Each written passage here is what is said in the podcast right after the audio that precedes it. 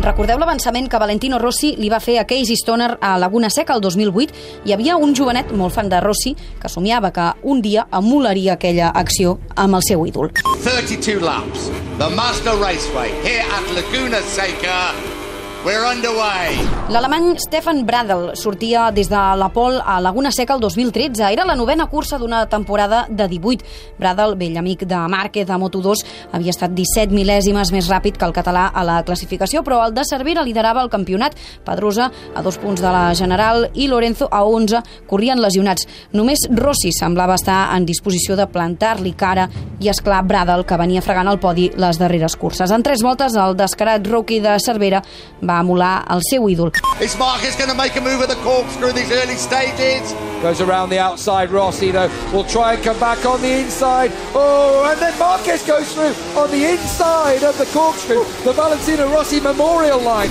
Així ho vam explicar a Catalunya Ràdio. Està grillat, ho sento, això és el que li va fer Valentino al senyor Casey Stoner, Increïble, però per guanyar una increïble. cursa, per guanyar una cursa, no a la tercera volta, Marc, que no acabarem avui.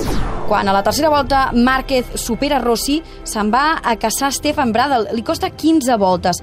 El català supera l'alemany i acaba guanyant la cursa amb la tercera posició pel doctor. Yes, have uh, all the. Ell té tot el potencial per esdevenir el millor de la història, o ser millor que jo, o guanyar més que jo, perquè té molt de talent i és molt jove, però és aviat eh, per dir-ho, tot just acaba de començar, però sí que té un 100% de possibilitats d'aconseguir-ho. Of possibility to do that.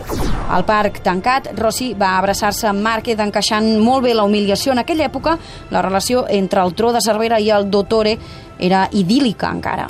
Aquí s'acaba la primera part de la temporada perquè marxem de vacances tots amb un atac de cor, però és que la segona part de la temporada serà la cacera del tro. Aixeca el puny Marc Márquez, el tro de Cervera, que ha tornat a guanyar una cursa en el seu debut a la temporada de MotoGP. Ho hem explicat amb el Damià en directe al Club de la Mitjanit. El dia següent, moment de serenor per explicar-ho així.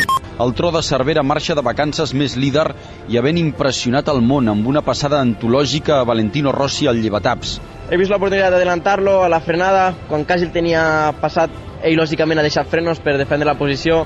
He intentat tancar per no provocar aquella situació, ens hem tocat una mica, però ha sigut un moment que, que bueno, un moment crític que m'ha costat després eh, recuperar una mica pues, les, les pulsacions.